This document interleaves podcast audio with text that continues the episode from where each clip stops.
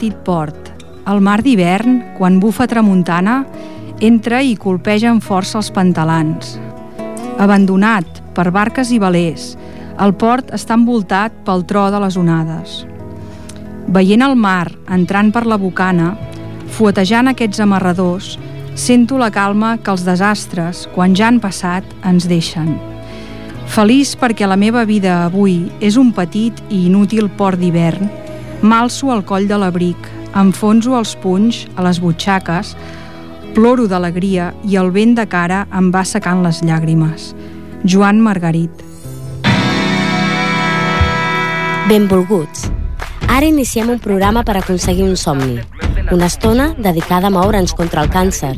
En ella us explicarem què és, us informarem sobre la seva prevenció, us ajudarem a recolzar els malalts i us mostrarem la feina que fem els voluntaris de l'Associació Espanyola contra el Càncer al nostre poble. Tothom es mou per un somni i el nostre és acabar amb aquesta malaltia. Moving, all the people moving, Bona tarda, amics i amigues de Movent-nos contra el càncer. Uh, preparats per escoltar aquesta segona edició. Uh, el dia d'avui parlarem sobre el càncer infantil i donem la benvinguda a la nova coordinadora, la Remei López, que ha començat amb un poema de Joan Margarit. Bona tarda. I les nostres col·laboradores habituals, com la uh, Núria Igualada. Bona tarda. La Núria Teruel. Bona tarda, I la Raquel Rodríguez. Bona tarda. Bueno, uh, a punt de començar aquesta segona edició, que esperem que, que us agradi. En primer lloc, eh, us explicarem el sumari d'avui. Tindrem les activitats on la Núria Teruel i la Núria Igualada ens explicaran com van anar els actes de la Marató de TV3 que es va dur a terme aquí a Ripollet. Després farem un petit anunci de on ens podeu trobar com a associació. Seguidament vindrà un apartat nou que es diu Els voluntaris, ens, eh, ens el portarà a terme la Raquel, que entrevistarà una voluntària de Ripollet. A continuació tindrem el monogràfic, eh, aquesta vegada serà sobre el càncer infantil, lligat amb l'entrevista blog d'avui, que serà a la Montse Selves, infermera de l'Hospital Parc Taulí de Sabadell. A continuació eh, farem quatre pinzellades de l'agenda que ens espera, mm, parlant del Festival de Dansa, posarem una cançó i, i per últim doncs, eh, ja ens acomiadarem. Volver al ori que no retroceder, quizás andar hacia el saber. Moving, all the people moving. One move for just one dream.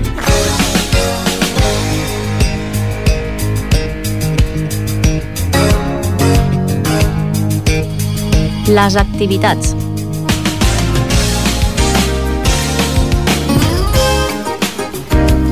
Bé, uh, Núria Teruel, ens pots començar a explicar les activitats de la Marató? Doncs sí, mira, en primer lloc us vull dir-vos que va ser tot un èxit la recaudació que varem fer el dia 16 de desembre. Vam recollir un total de 1.130 euros. Personalment, no hauria pensat que arribaríem a aquesta xifra. Dono les gràcies a tot el poble de Ripollet perquè una vegada més ha demostrat que som solidaris. Donar les gràcies també a totes les entitats que ens van ajudar, el bàsquet Sant Graviel, el tennis taula i els amics del teatre amb un taller de maquillatge. Crec que aquestes activitats van ser molt encertades, ja que vam apostar per un públic i especialment nens. Aportacions també de molta gent, cadascú aportant el que bonament podia. Moltes gràcies a tots. Molt bé, gràcies. Passarem... Recordeu que tenim un programa, uh, un telèfon que podeu trucar, que és el 93 594 21 64. Si algú vol fer alguna aportació en directe, teniu aquest telèfon a la vostra disposició. Hem obert una pàgina al Facebook aquesta setmana i ja tenim quasi 300 adhesions i bueno, que sabeu que és AECC Ripollet i qualsevol persona s'hi pot adherir. El lloc de trobada és els dilluns eh, de 10 a 12 del matí al Centre Cultural. Més endavant us explicarem eh, que en aquí, al Centre Cultural, els dilluns de 10 a 12, podeu adquirir les entrades del festival de dansa que farem. Bé, i ara continuarem amb una altra secció.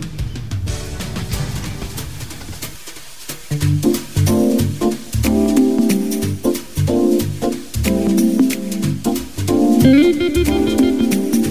Els voluntaris.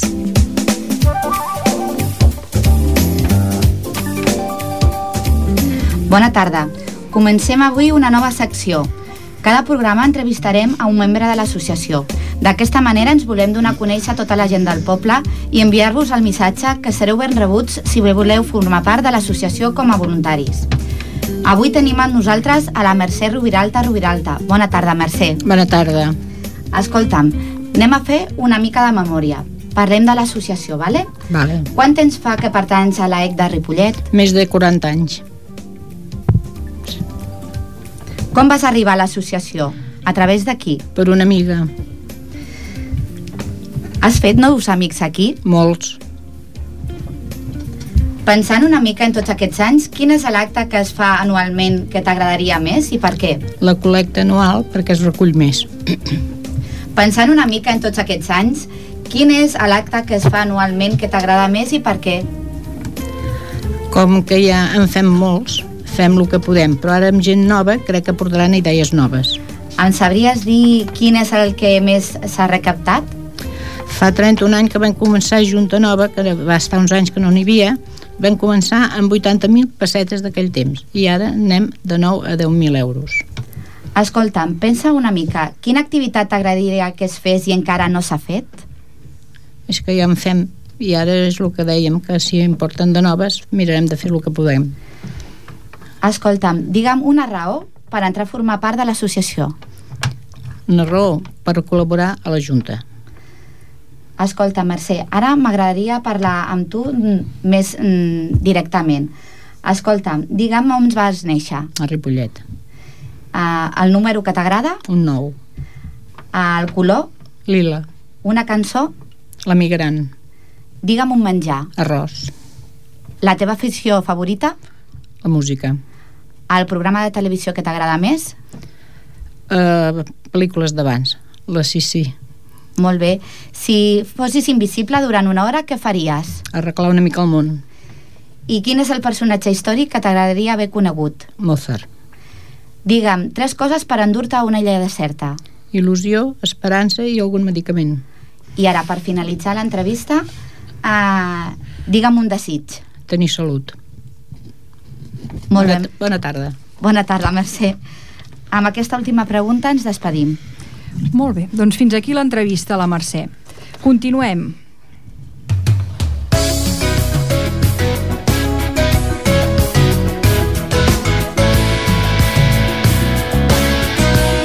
El monogràfic.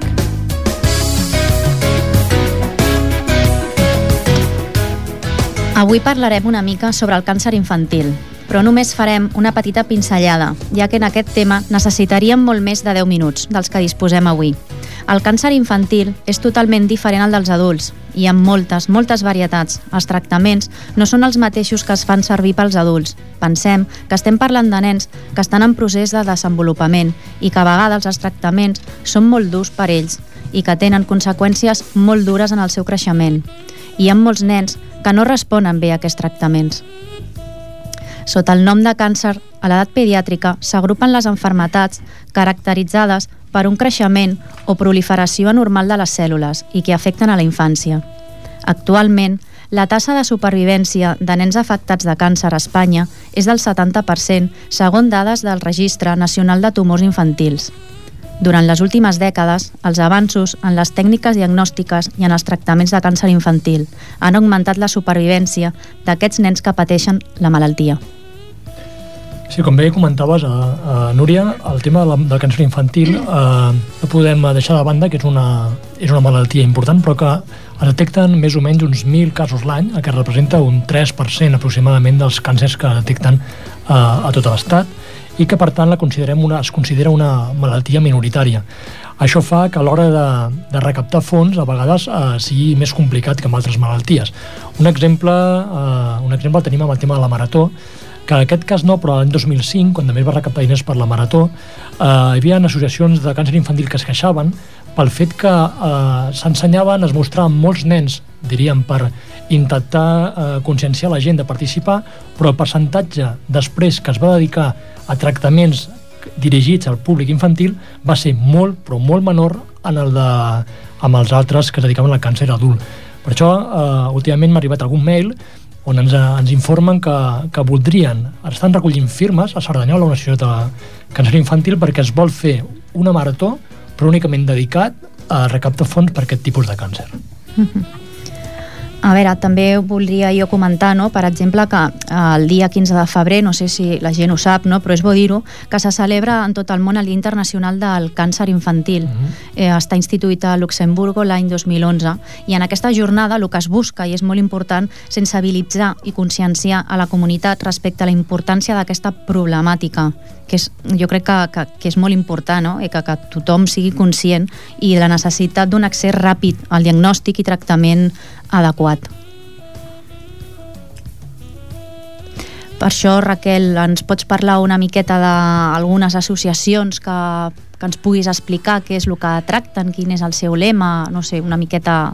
Vale, mira, m'agradaria destacar la Federació Espanyola de Pares de Nens amb Càncer, amb el seu eslògan Ayúdales, solo son niños, on pretenen sensibilitzar la societat sobre aquesta malaltia i que veiem els seus fills, els nens, com això que són nens. També un dels trets mm, característics d'aquesta associació és eh, la dedicació a millorar la qualitat de vida d'aquests nens i d'aquests pares, vale? perquè com que tots ja sabem que normalment és una malaltia que, que provoca que hi hagi molts pares que estiguin fora de casa, la seva intenció és millorar eh, aquesta, aquesta problemàtica. Després, eh, eh, també m'agradaria destacar que eh, hi ha, dins d'aquesta associació hi ha 17 associacions més que estan eh, lluitant i treballant a diferents eh, comunitats autònomes i amb aquesta idea totes les famílies vol, volen que sigui quina sigui la seva procedència es trobin eh, recolzats per algú. També tenim l'associació FUNEC. Aquesta està formada per pares i mares, amics i familiars de nens i nenes afectades per aquesta malaltia amb l'objectiu de buscar solucions al conjunt de trastorns que envolten el càncer d'aquests nens. La llarga durada i duresa també provoca unes inquietuds i incerteses que aquesta associació vol pal·liar. Els pares i les mares i la societat en general hem de tenir un parer actiu en la curació dels nostres fills. El personal sanitari fan una gran tasca, però els nens i les seves famílies necessiten molt més. La qualitat de vida i l'estabilitat familiar exerceixen una influència mm, directa en el procés de desenvolupament i curació de la malaltia un dels projectes d'aquesta associació última eh, provo, ens diu que eh, poden crear una casa eh, la idea és crear una casa per tot, que tots aquests nens i nenes i els seus familiars eh, puguin eh, viure tranquil·lament. Aquesta és la casa del Xuclis, una casa eh, d'acollida de nens. Doncs bé, com ha dit la Raquel, hi ha moltes associacions depenent del tipus de càncer però els pares, desesperats, es mouen per si sols. Sobretot busquen ajuda a través de les redes socials. El Facebook és una de les més sol·licitades. Ara us explicaré dos tipus de, de càncer que he trobat. Un nen que es diu Richie, és de Palamós, de Girona, i té un tumor al cap. Doncs bé, el poble de Palamós eh, s'ha volcat, mm, però moltíssim. Van començar recollint taps, taps de plàstic. Van fer una botifarrada, concert, sardinada, pulseres, botiguetes de segona mà, bueno, les mil i una. S'han desplaçat diverses vegades a Houston i necessiten molts diners. La, ver la veritat és que estan molt i molt contents gràcies a la solidaritat de tanta gent. Després, he vist també un nen, l'Alvarito, que té 5 anys. Viu a Albacete i des dels 19 mesos està lluitant contra aquesta malaltia ha sofert tres recaigudes i ara també tenen que desplaçar-se als Estats Units i per això la seva família no para de moure's. Ha penjat també moltes fotos al Facebook i vídeos i la veritat que quan ho llegeixes se't trenca el cor. I com el Richie i l'Alvarito hi ha molts i molts nens. La Marta, l'Alba, la Paula, el Gerard, el Xavier... Des d'aquí, molta força a tots. I per últim, eh, ens agradaria parlar de les cases del Ronald McDonald, que lligat amb el que ens ha explicat la Raquel de la, eh, la FEMNEC, que és la Federació Espanyola de Pares, i la FONEC, eh, és, són cases eh, d'aquesta fundació que ofereixen a les famílies eh, pisos i, i llocs per estar junts quan els nens tenen la malaltia. És com un, un suport a tota la família, ja que a vegades molts d'aquests nens han d'estar fora, lluny de, del seu país o de la seva zona, llavors llocs on, on se senten recolzats i on la família hi pot anar. Um, dir només quatre dades d'aquestes cases. N'existeixen 317 a 31 països diferents. Hi han 164 sales familiars eh, en més de 20 països i regions i 47 programes eh, d'una cosa que es diu la clínica mòbil Ronald McDonald eh, en 9 països diferents i l última dada que us volem dir sobre aquest tema és que bueno, aquesta fundació concreta atén a més de 160.000 nens per any eh, a tot el món, eh, des de serveis mèdics, dentals i educatius. Va més enllà potser només de, dels tractaments de càncer, però, però és interessant saber doncs, que hi ha totes aquestes fundacions. I tota la feina que fan. I la feina que fan. Uh, això mateix. Uh... També, si cas, eh, deixem-me comentar un parell de coses. També, com he comentat abans, aquí a Cerdanyola, tenim la, la FADAM, que és Familiars i Amigos d'Àngel Manzanares, que és un nen que, que va morir fa sis anys d'un tumor cerebral i que també eh, fan un motiu d'activitats, guardioles, eh, eh, per recaptar diners que estan situades a diferents punts estratègics de la població veïna i estan en contacte amb l'Hospital Vall d'Hebron per aconseguir fons per, per intentar guarir la malaltia. També una altra cosa que vull fer comentar, el de la casa del Xucli, recordeu que també és allò que fan també dues etapes l'any, una que és la posa't la gorra, recordem la posa't la gorra que fan quan és a l'estiu fan a Port Aventura i a l'hivern ho fan en el, en el zoo. També és una activitat molt, molt bonica per fer. I si cas per últim, recordar que aquest any també la, la mitja marató que es corre a Granollers el dia 3 de febrer també eh, és solidaritat amb el càncer infantil que es pot comprar el que és un buf pel el preu exactament no el sé, però que aquests, aquests diners diran també a parar al que és l'estudi amb el terreny oncològic del, de l'Hospital Sant Joan de Déu. Per tant, veiem que són moltes les associacions que, que es mouen per intentar aconseguir poder els diners que de l'altra banda no venen, per això que hem comentat abans, del ser una malaltia minoritària, per tant, eh, ens hem de, entre tots, ens hem d'espavilar per aconseguir poder intentar guarir aquests nens. Molt bé, i ara us deixem amb una cançó lligada amb el tema, com, com és habitual, i és, eh, sabeu que fa dues setmanes ha, ha començat la reemissió de, de la segona temporada de Pulseres Vermelles, que és una sèrie que ha tingut molt èxit en els adolescents sobre el tema del, del càncer infantil.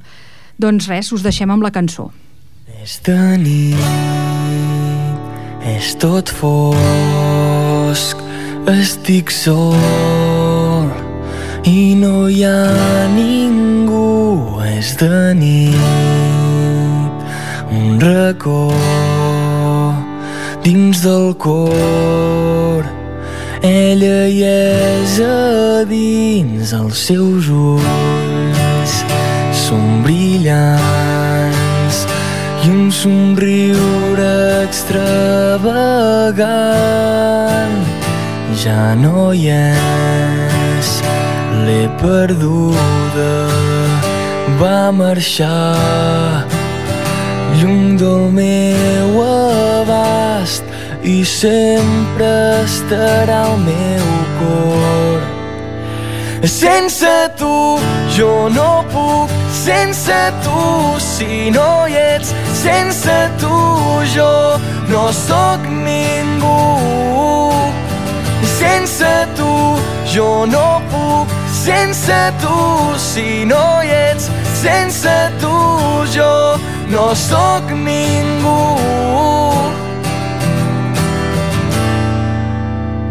És de nit, és tot fosc, no estic sol, no ho estic, tu estàs amb mi, els teus ulls són brillants i un somriure extravagant. I sempre estarà al meu cor. Sense tu jo no puc. Sense tu si no hi ets. Sense tu jo no sóc ningú. Sense tu jo no puc. Sense tu si no sense tu no sóc ningú. No, no, si no estàs aquí, si no estàs amb mi, jo no et puc mirar, jo no et puc sentir, si no estàs aquí, si no estàs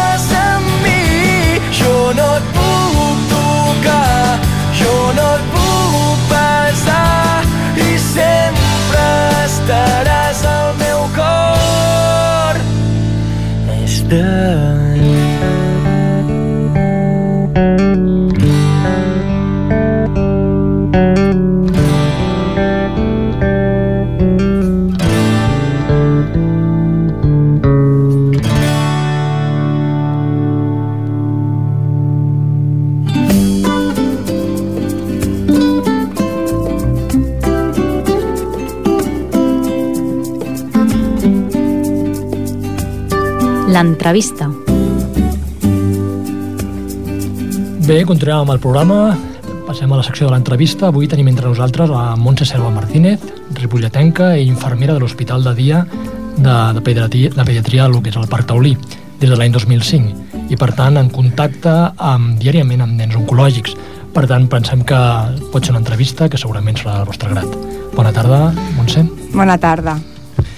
Bé, tenim aquí que vas començar l'any 2005 a, a lo que és l'Hospital de Dia d'aquí del Parc Taulí, però crec que la teva carrera professional comença abans, oi? Mm, Sí, doncs, us explicaré una mica quina és la meva trajectòria professional. Vaig estudiar infermeria a l'Escola Universitària de l'Hospital de Sant Pau, de Barcelona, i quan estudiava segon curs vaig començar a treballar com a auxiliar mm, de clínica, bueno, a l'antiga clínica pediàtrica de Sabadell, al nen Jesús. Aquesta experiència inicial em va fer decantar-me a dedicar-me a la pediatria. Un cop finalitzada la diplomatura, en aquell moment faltaven moltes infermeres, vaig aconseguir plaça fixa eh, en un torn de nit a la UCI pediàtrica i a la unitat de neonatologia.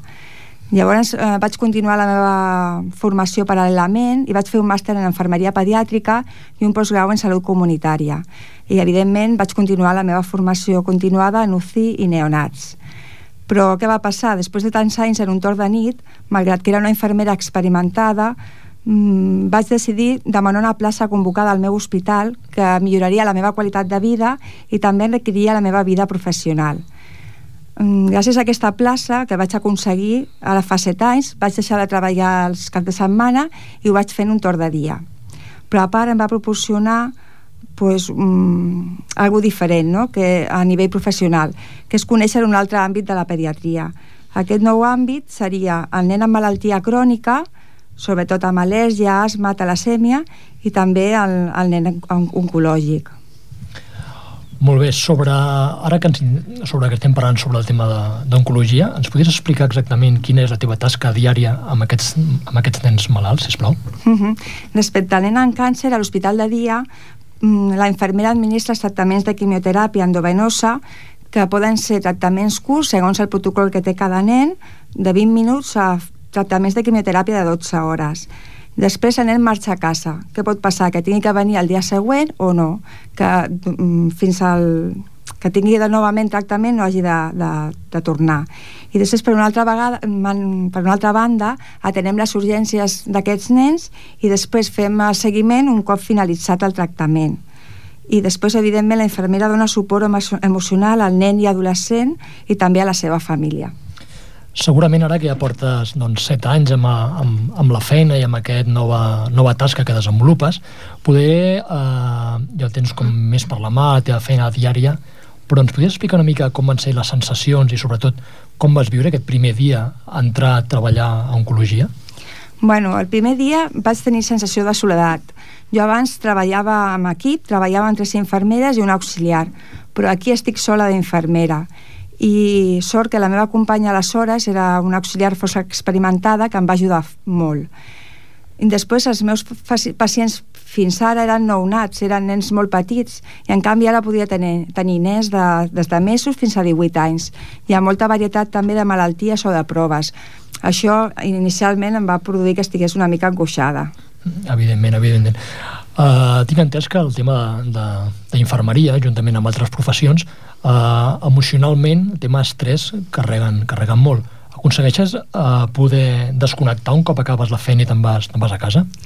La veritat és que intento fer-ho, però hi ha dies que són durs on, on és difícil desconnectar, però tinc la sensació de que ho aconsegueixo. Tot i així, en alguna ocasió, agafo el telèfon de casa i dic hospital de dia, però bé, vull pensar que això és un despiste. Millor pensem això, oi? Bé, uh, aquesta, aquesta teva professió, com, com, com molt d'altres, hi ha un contacte molt directe amb, amb, el, amb les persones a nivell, a nivell humà. Per tant, la teva relació tant amb els pacients com els, amb els seus familiars, quina és? Bé, jo passo moltes hores amb els, amb els nens o adolescents i les seves famílies. Per això he après molt a escoltar, a gestionar silencis, però també a aprofitar qualsevol ocasió per riure i passar-ho el millor possible. Perquè la major part dels nens oncològics supera la seva malaltia i perquè sempre tens amb ells un vincle molt especial que mai oblidarem. Des que no sobreviuen al càncer, també recordo tots els bons moments, inolvidables i únics, i penso que els vaig acompanyar i cuidar encara que no van poder guanyar la malaltia. Els nens he après a respectar-los, a no enganyar-los mai i a explicar-los sempre tot el que els hi faig i a fer-los participar. Tots els nostres pacients saben, evidentment, al seu nivell, quina malaltia tenen. La relació amb els pares és primordial. Normalment es crea una relació estreta. Això facilita la feina amb els nens. L'infermera, juntament amb els pares, han de fer un bon equip per tal de proporcionar al nen o adolescent el recolzament que necessita per poder gestionar el dia a dia a l'hospital. També els pares sempre acompanyen el nen quan es realitza qualsevol tècnica, perquè els pares els hi proporcionen seguretat, confiança i comprensió. Amb un petó, una carícia o una mirada poden ajudar el seu fill. Jo personalment estic molt orgullosa dels pares dels pacients que tracto. M'ajuden molt i mai he tingut cap problema tenint en compte que hem compartit moments molt durs. A vegades és més difícil la relació amb els pares que venen puntualment un dia a l'hospital de dia a una prova que els que ja ens coneixen i saben com és el nostre dia a dia. Ara que, que comentes això, un dia preparant la- l'entrevista, fins i tot em vas comentar que, que hi havia algun cas d'algun nen o adolescent que, que venia sol, no? que venia fins i tot venia ell sol a, a, a, a, a, a, fer el tractament de, oncològic de quimioteràpia. S'ho pots explicar això, com, com va anar? Sí, bueno, normalment els nens venen acompanyats amb, amb la família, però eh, en alguna ocasió hi ha algun adolescent doncs que ve sol, ve sol, se li posa el tractament i marxa. No és el més freqüent, però sí que eh, en alguna ocasió passa. I els tractaments que feus es limiten a quimioteràpia o també feu radioteràpia? Eh, sí, es fa radioteràpia, però clar, eh, no la fem al taulí. Eh, quan nosaltres tenim un pacient tant per trasplantament, es deriven al, a Sant Pau, l'Hospital de Sant Pau, i per fer la, la radioteràpia també. Nosaltres no tenim servei de radioteràpia a, a, a, bueno, al taulí. I actualment, eh, quants, quants nens eh, estem parlant que reben tractament oncològic a l'hospital de dia? Ara, aproximadament, eh, en actiu tinc uns 14 nens o així, entre 14 i 20, perquè el tractament que s'allarga més és el de la leucèmia, que dura més temps. Però sí, més o menys és aquesta la mitjana. D'acord. Al llarg de, del temps que hi treballes, des del 2005 fins aquí, ens podries indicar si hi ha hagut algun canvi a la teva professió o més o menys continua igual de com, com vas començar? Bueno, jo només el que voldria dir és que mm, aclarir que les infermeres tenen est- estudis universitaris perquè moltes vegades això es desconeix i després el que hem aconseguit darrerament és que les infermeres eh, se'ls reconegui l'especialitat. Fins ara una infermera bueno, actualment pot treballar en qualsevol àmbit i això no té gaire sentit perquè no és el mateix treballar en salut mental que treballar, per exemple, al quiròfan i llavors hem aconseguit aquest reconeixement. De totes maneres, aquesta és una professió, com molt, molt, moltes altres, que necessites formar-te i actualitzar els teus coneixements de forma contínua. Segurament, com hem de repetint, per, eh, per fer aquesta feina s'ha de tenir un tarannà, un, un do, diríem, especial. Si alguna nena o nen o noi em digués que jo vull treballar a, a infermeria i exactament vull fer, vull estar amb nens malalts eh, oncològics. Quin tarannà hi buscaries tu per, direm, que, que per acceptar-lo la teva feina? Com, com ha de ser aquest nen o nena que vol fer aquesta feina? Bueno, jo penso que aquesta és una feina que t'ha d'agradar i això no sé si se li pot dir a vocació, però t'ha d'agradar la teva feina. Però fins i tot és molt curiós que dintre del, del col·lectiu de companyes i infermeres alguna companya em diu no sé com pots treballar amb nens, no? Mm. I llavors penses, pot, potser és que sí que has de tenir també alguna cosa especial o alguna característica que, que l'atracció sigui dedicar-te als nens. D'acord, per tant, el, el, perfil, el perfil específic que hauria de tenir, quin seria? No t'ho sabria dir. Jo mm, conec això, infermeres que es dediquen a la pediatria, que totes ho fan molt bé, són molt bones infermeres, però tenen perfils molt diferents. És que no sabria dir-te I bé. en algun moment, des del 2005 fins aquí, has pensat de dir m'entorno a planta? Mm, als inicis sí que m'ho vaig plantejar, però després realment em trobo, és on, on em trobo més realitzada. O sigui, aquí em trobo molt còmoda, molt bé. Mm, estic contenta del que faig i com ho faig. D'acord, i com segurament, bueno, com has, has anat dient, d'aquí tenim nens oi, molt petits, no? Potser de, fins i tot de, de mesos. Potser mm -hmm, sí, sí, nens de mesos. nens de mesos fins a 18 anys. A 18 anys. Doncs aquesta franja d'edat, eh, quan consideres que és més traumàtic que un nen sigui diagnosticat càncer tan petits o potser ja més gran? Quan és més traumàtic, consideres tu? Jo penso que quan és més traumàtic és just en el moment de l'adolescència, perquè la malaltia arriba en ple procés de transformació física, i psicològica i social. I per un moment la, la vida d'aquell nen s'atura i ara serà a l'hospital i llavors penso que és el moment més dur com a curiositat us diré que quan els nens han superat la malaltia i venen al, a l'hospital de dia a fer-se ja continuar amb el tractament, ai, amb els controls, sempre pregunten si hi ha algun nen dels seus, és a dir, si hi ha algun nen que estigui fent quimioteràpia. I llavors, si aquell nen aquell dia es troba bé, l'altre li fa una visita. I la veritat és que és una visita que, molt especial, que agraeixen molt, perquè es, es troben amb un company o un amic que ha viscut la mateixa situació que ell, que li dona consells o li explica coses. També és curiós perquè quan tinc més d'un nen en tractament s'ajunten i s'agrupen. Per què fan això? Pues, perquè ningú millor que ells s'entén, no? I és curiós perquè ho fan malgrat eh, tinguin edats diferents. Ara que, que estàs explicant tot això, sobretot una mica passat amb el càncer adolescent, eh, el lligava una mica amb la cançó de l'inici de Polseres Vermelles. Aquesta sèrie que, bueno, que té tant èxit que fins i tot vaig sentir que Spielberg fins i tot està interessat en, en coproduir-la o en fer una, bueno, a produir-la als Estats Units. Uh, no sé quina seria una mica la teva opinió, perquè he sentit una mica opinions variades, gent que està molt a favor, mirem l'audiència, amb, amb índexs molt alts, i gent que, que sé que, que no li agrada pas. Personalment, què n'opines de la sèrie?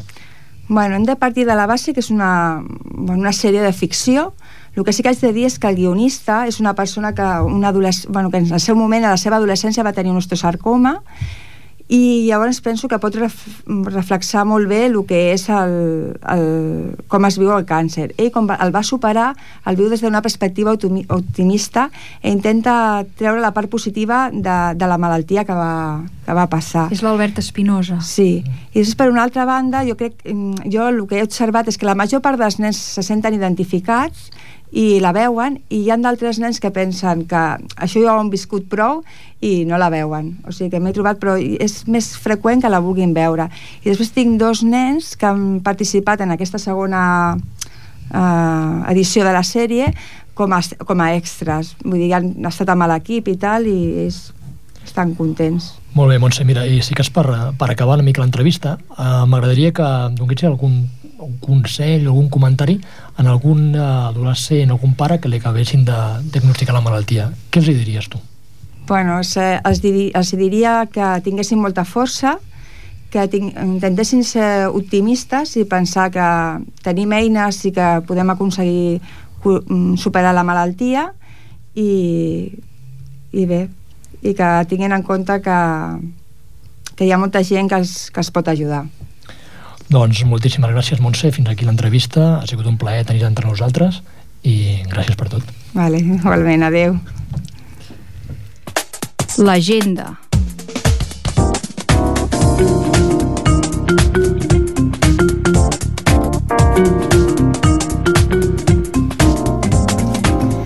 Bueno, ara donem pas a l'agenda, parlarem d'un event que tindrem aquest trimestre. Uh, és el Festival contra el Càncer que farem el dia 17 de febrer. Uh, és un festival de dansa amb actuacions de Danza Joven, Epidemic Dance Show i SB Dance.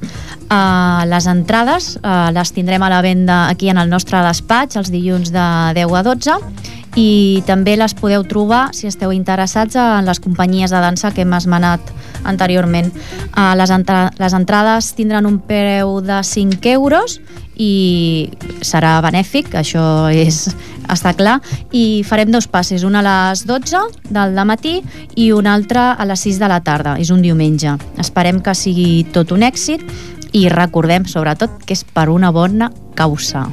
A veure, ara l'Albert si ens explica una miqueta en què consistirà aquest festival. Doncs molt bé, Núria. Mira, uh, jo vaig parlar... Bueno, teníem ganes, quan vam començar diríem, uh, en aquesta, nou, bueno, aquesta nova fase de lo que és l'associació, una miqueta teníem en ment de fer algun festival una mica així a l'engròs uh, a l'auditori. I bé, vaig, entrar, vaig anar aquí al Centre Cultural i vull dir, voldríem fer un, un festival on poguéssim, poguéssim omplir per, evidentment, amb l'intenció bàsica de recaptar molts diners. I ells em van dir, doncs, molt fàcil, parla amb el Juan López. Jo en principi no sabia, no sabia qui era, però com van comentar parlar amb ell. Em van donar el telèfon, vaig anar a parlar amb ell i perfecte, encantador, em va comentar que, que no hi havia cap problema, que ompliríem, i no un cop, sinó ompliríem dos, o sigui, per això fem dos, al matí i a la tarda, i em va explicar una mica com, com ho faríem. I realment és molt engrescador. Aquestes tres companyies que venen, que són eh, eh, les companyies de SB Dance, Epidemic i companyia Danza Joven, faran eh, tres coreografies, cadascuna amb tres parts diferenciades. Hi haurà una primera part que simbolitza el que és el diagnòstic de la malaltia, una segona part que és el pronòstic, la lluita, i una tercera part on hi haurà el desenllaç, que podrà ser o feliç o no ser-ho. Eh? Per tant, ha estat tot molt ben estructurat, amb tres parts molt clarament marcades, i finalment, que diríem que els, els principals actors de cada una de les companyies, com són Susana Barea, Noelia Espanya i Juan López, interpretaran el so de la música un poema que han composat a, a, per l'ocasió. Per tant, penso que no ens ho podem perdre, penso que la gent eh, ha de venir, perquè penso que pot serà una cosa realment espectacular i, i bonica de veure. Per tant, eh, recordem, el dia 17 de febrer, tant a les 12 i a les 6, us esperem al Teatre Auditori, que ens ho passarem bé. Això esperem, això esperem. A veure, a veure. Mm, recordeu que teniu les entrades eh, al Centre Cultural els dilluns eh, de 10 a 12 hi hauran les voluntàries que, que estaran disponibles per, per vendre entrades. Són 5 euros, totalment a benefici de, de l'associació Ripollet contra el càncer. Ara us volem explicar un altre tema que tenim, de les pulseres verdes, no? Sí, mira, ens han arribat avui mateix unes, unes pulseres de color verd on parla de l'associació contra el càncer, eh, el preu és d'un euro i les podrem eh, trobar, ja sigui, com sempre, a 10 a 12 els dilluns aquí en el Centre Cultural, al local de l'associació, o si no us va bé, aquest mateix dia, 17 de febrer, muntarem una paradeta, una paradeta on vendrem diferents objectes, entre els quals podrem també eh, tenir la pulsera. També, si no d'això, podeu contactar nosaltres a partir del mail o a partir del Facebook i es reservem les que, les que facin falta, aquestes pulseres que, que, bueno, que són boniques i que venen ara podem la broma no, d'intentar substituir o no les, la, la Armstrong ara que venen amb el tema d'aquest de, tema del dopatge. Bé, per anar acabant ja, escoltarem una segona cançó molt optimista, lligat amb el tema que ens deia la, la Montse, que hem de ser molt optimistes i pensar sempre en positiu. Doncs eh, res, salta de tequila.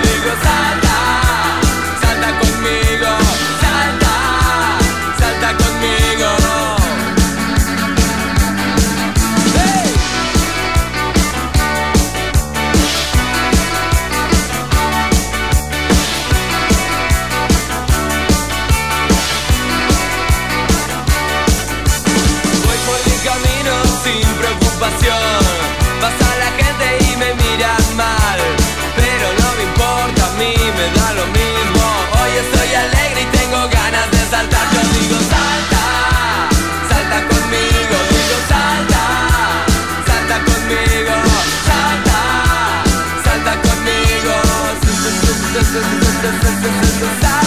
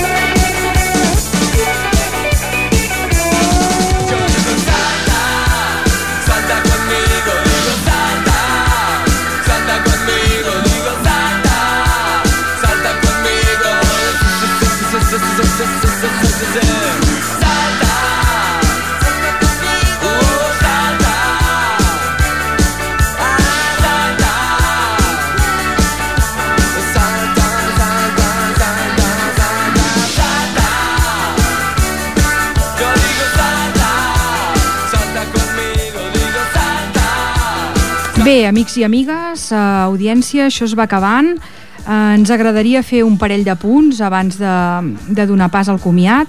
En primer lloc, sabeu que hi tenim un mail on podeu adreçar qualsevol dubte, qualsevol problema que tingueu o si algú es troba amb algun que li han diagnosticat la malaltia o ens vol comentar alguna cosa i té algun problema, doncs eh, ens ho fa saber i nosaltres li transmetrem el que sapiguem o l'adreçarem allà on pugui. L'adreça mail és www.maecc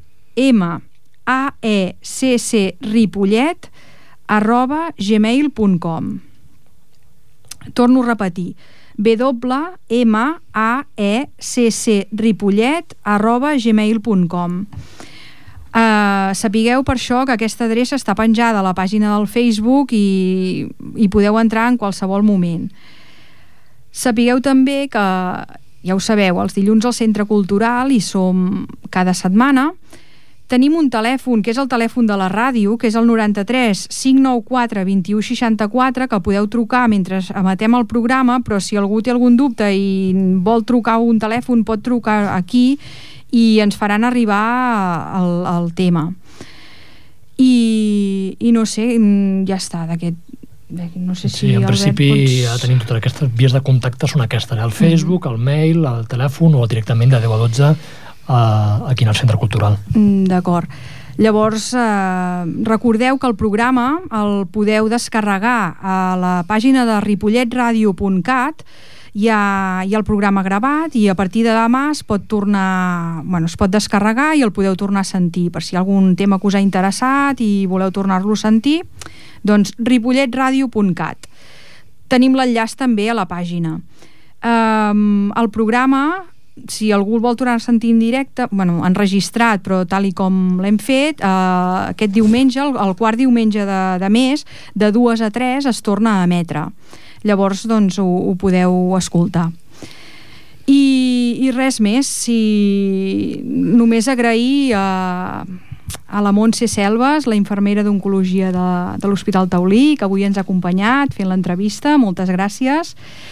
A la Mercè Rubiralta, voluntària de l'Associació de Ripollet, moltes gràcies també. Gràcies a les col·laboradores de, del programa, la Raquel, bona nit. Bona nit. A la Núria, bona nit. Bona nit. I a l'altra Núria, bona nit. Estem repetides, ens tornem a veure. bona nit a totes. Salutacions al nostre tècnic, en Jordi, que ens ha ajudat molt. Gràcies. I, i a l'Albert, el conductor del programa, que ens vol dir unes paraules i, i ja ens acomiadem.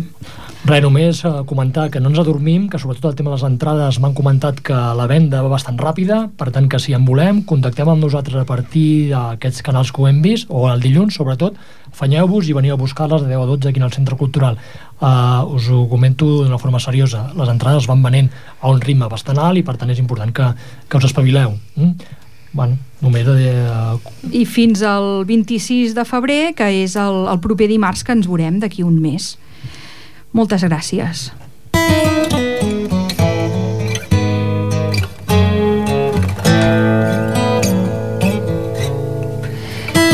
No ploris perquè no veus el sol, perquè les llàgrimes no et deixaran veure les estrelles. Tagore.